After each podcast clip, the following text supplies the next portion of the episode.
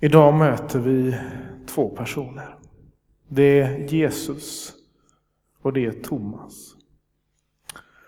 Och Thomas han är en, eh, en person som återkommer lite då och då i Bibeln.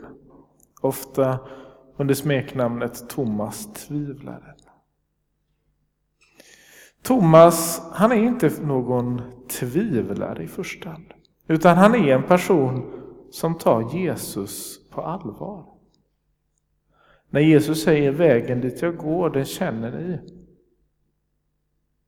Så förstår Thomas att nej, jag vet inte vart du går. Och jag känner inte vägen. Då är det viktigare för honom att få grepp om det som Jesus talar om. Än att själv försöka framstå som duktig eller präktig. Han hade kunnat tiga still och då hade han ju inte behövt göra bort sig. Men han tar Jesus på allvar. Han förstår att med Jesus så är det viktigt. Därför så ställer han frågan. Den frågan blir öppningen för ytterligare några kapitel i Johannesevangeliet. Där Jesus lägger ut innebörden av både vart han ska och vägen dit.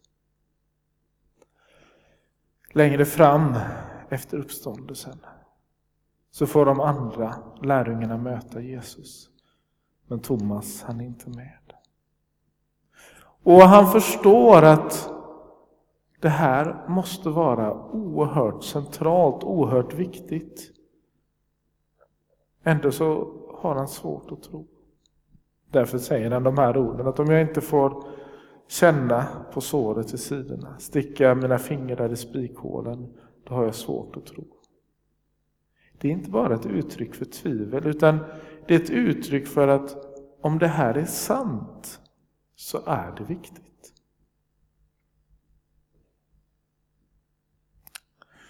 Med Thomas så kan vi lära oss detta, att det är viktigare att få ta emot vad Gud har att ge än att själv verka duktig eller kunnig eller präktig.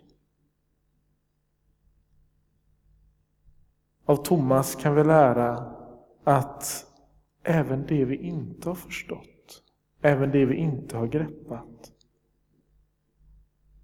kan vi få stanna till vid.